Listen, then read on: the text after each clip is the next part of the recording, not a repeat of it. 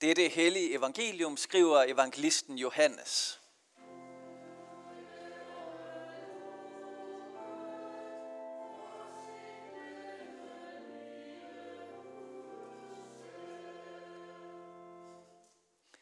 Jesus kom da til en by i Samaria, der hed Sykar, i nærheden af det stykke jord, Jakob gav sin søn Josef. Der var Jakobs kilden. Træt af vandringen satte Jesus sig ved kilden. Det var ved den sjette time. En samaritansk kvinde kom for at hente vand. Jesus sagde til hende, giv mig noget at drikke.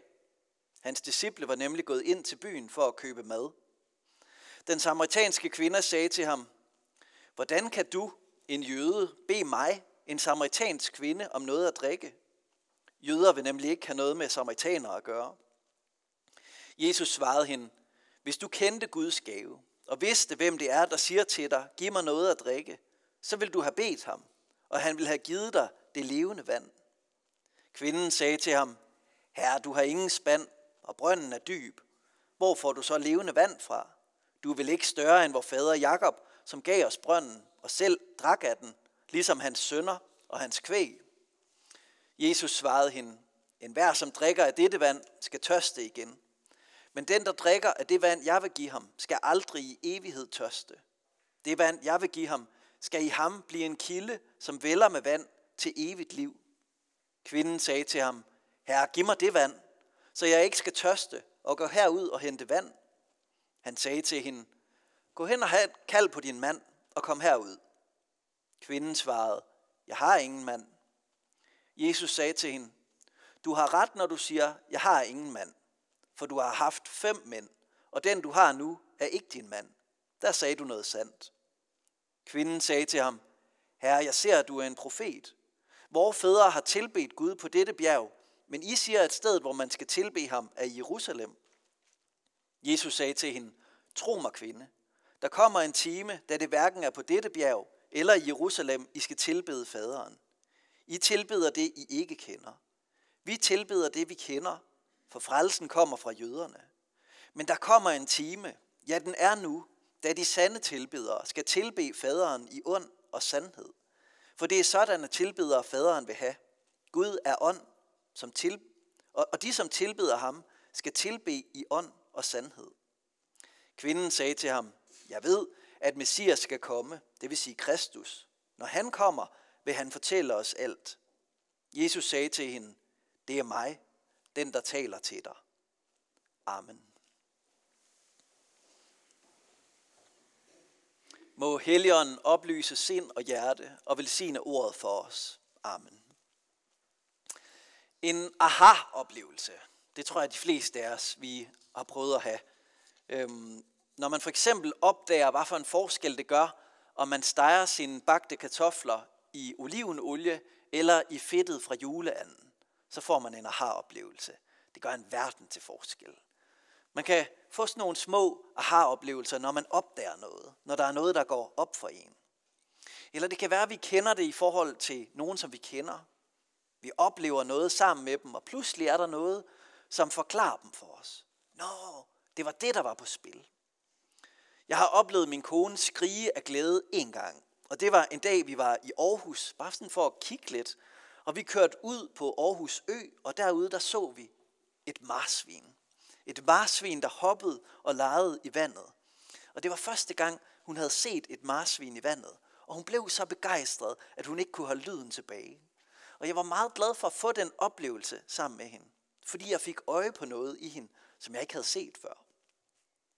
Aha-oplevelser, de kommer på mange forskellige måder. Man kunne også undersøge, om man har haft en åndelig oplevelse, som har været en aha-oplevelse på vores hver især små åndelige rejser. Det kan være, der er noget, hvor du tænker, nå ja, der var der noget, der gik op for mig. I den kristne tradition, der beskriver man nogle gange fire bevægelser i den åndelige rejse. Og den første kalder man for opvågning. Vi kunne også kalde det en aha. Det er oplevelserne, som mange af dem, der møder Jesus, de har. De får øje på noget, som var skjult for dem. Og det er som om, at de vågner, eller som om noget vågner i dem. Og det bliver til en ny begyndelse. Og nogle gange så taler Jesus med dem om at blive født på ny. Det er opvågning. Det næste af de fire bevægelser i den her tradition, det er renselsen. Når jeg oplever lyset, så ser jeg med tiden også nogle af skyggerne. Jeg får øje på noget af det, som jeg har lyst til at få renset ud i mit liv. Og det er en naturlig del af den åndelige rejse, at man finder bagage i sig selv, som man skal give slip på.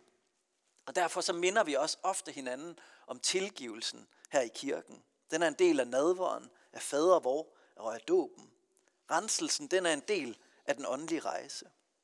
Den tredje bevægelse, som man nogle gange beskriver i den kristne tradition, det er oplysning.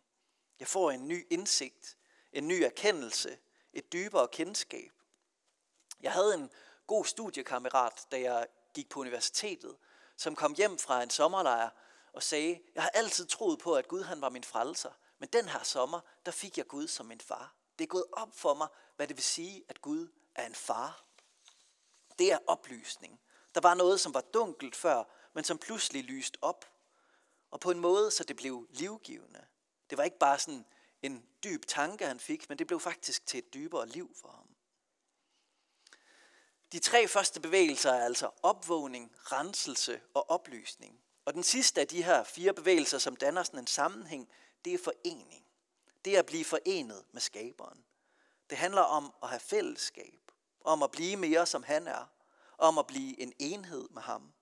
Det er bevægelsen ind i Guds kærlighed og ind i Guds lys.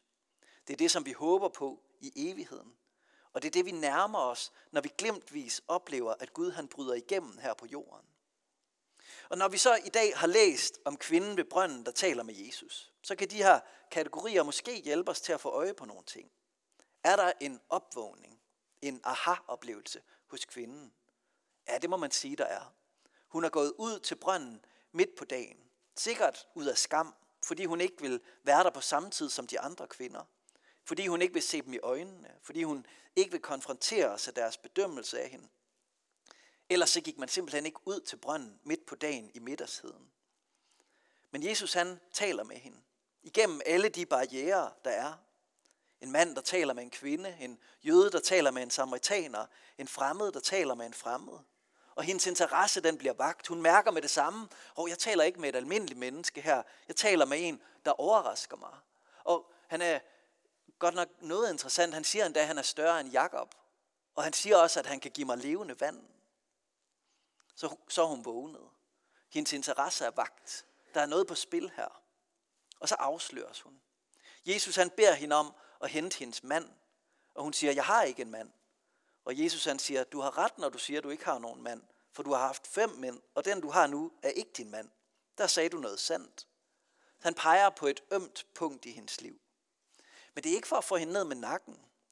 Det er fordi han ønsker frihed for hende. Og hvis man læser videre i beretningen, så vil man se, at det der sker med hende, det er, at hun løber tilbage til byen. Og så råber hun til alle dem, som hun møder, kom og se en mand, som har fortalt mig alt, hvad jeg har gjort. Måske er han Kristus. Så den skam, som hun bærer, som gør, at hun står alene ude ved brønden, midt på dagen, lige pludselig så er den opløst på en måde, så hun kan løbe tilbage til de andre og sige, I skal være sammen med mig omkring det, der sker her. Så vi kan altså se, at kvinden, hun vækkes, og hun renses. Og måske kan vi også få øje på en grad af oplysning hos hende. Hun er i hvert fald kommet så langt, så hun siger, måske er det Kristus. Jesus han har vist sig for hende. Hun er vågnet. Hun er renset i hans blik. Og hun oplyses gradvist af det, som hun møder. Jesus han fortæller hende om levende vand. Han fortæller hende om ånden, om helligånden. Og så begynder hun at snakke om teologi, om der er en strid imellem samaritanerne og jøderne om, hvad for et bjerg vi skal tilbe på. Og Jesus han siger til hende, nej, nej, nej, det, det er slet ikke det, det handler om. Det, som er vigtigt, det er, hvad for en ånd er det, du tilbeder i? Er det den her hellige ånd, som jeg beskriver? Har du det levende vand i dig? Hun oplyses, og hun nærmer sig sandheden og friheden i Kristus. Og jeg har lyst til at give jer en lille fodnote her, fordi noget af det, som jeg læste op ved alderet før, det var indvielsen af templet. Og der siger Salomo egentlig noget af det, som hun spiller bold op af her. Salomo, han beder en bøn til Gud der ved indvielsen af templet. Og han siger, men kan Gud da bo i templet her på jorden? Nej, Gud er for stor til at bo i templet. Men hvad skal vi så bruge templet til? Jo, Gud, du kan holde øje med templet. Lad din øjne hvile der. Lad dit øre være vendt imod det. Og så hør vores bønder. Hør vores bønder. Dem, som du ser. Dem, som du hører der. Så Salomo, han ved ligesom godt, Gud er for stor til at blive rummet af templet. Og alligevel så fik de lov til at bygge et tempel. Og nu siger Jesus til kvinden, der er faktisk noget, som er vildere, der er sket. Og det er, vi har ikke engang brug for templet mere. Hvis Helligånden er i dig, så er du som et tempel. Og så kan du sådan set vende dig til Gud over alt, hvor du går. Så det er det, Jesus han er ved at oplyse hende om. Det er at fortælle hende om, Gud er i dit indre, og uanset hvad du bliver mødt af, og uanset hvor du går hen, så kan du henvende dig til Gud, og du kan forvente, at hans ører hører dig, og at hans øje ser dig.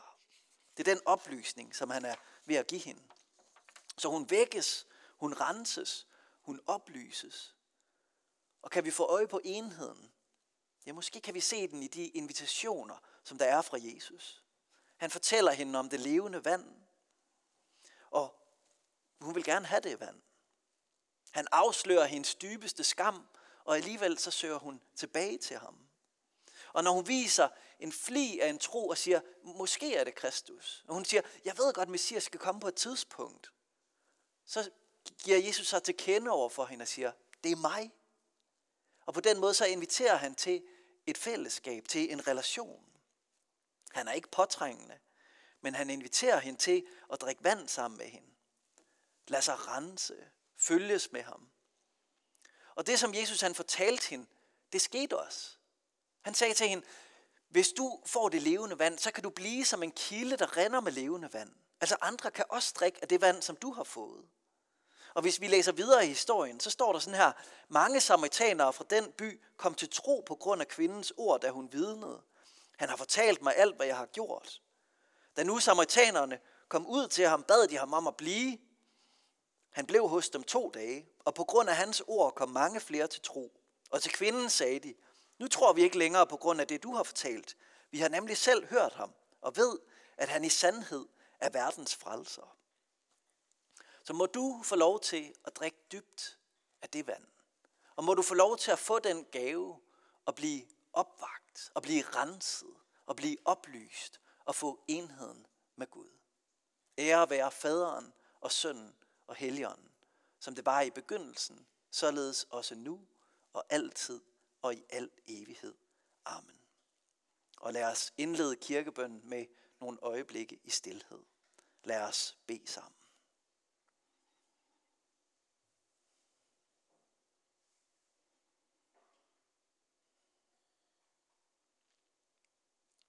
Gud, vi er dybt afhængige af, at du vækker os til live. At du kalder på os og inviterer os. Hjælp os til at se alle de måder, som du kommer os i møde på.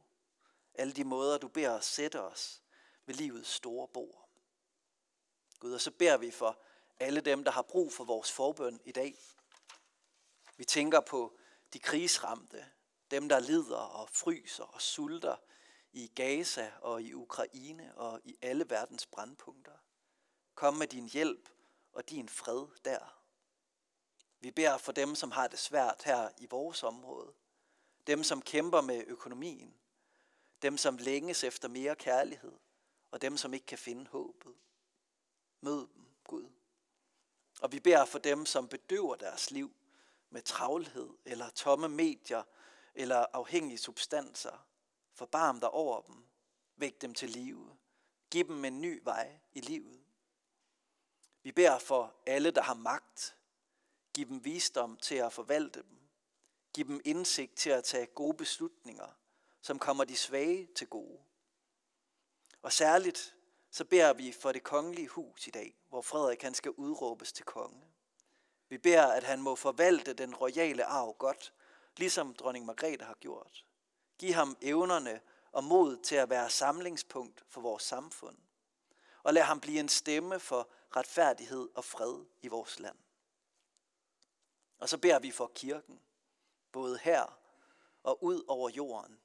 Må din kirke være et redskab for dit rige, så vi ser opvågning, renselse, oplysning og enhed med dig, Fader, Søn og Helligånd. Amen. Og lad os med apostlene tilønske hinanden. Hvor Herre Jesu Kristi nåde og Guds kærlighed og Helligåndens fællesskab være med os alle. Amen.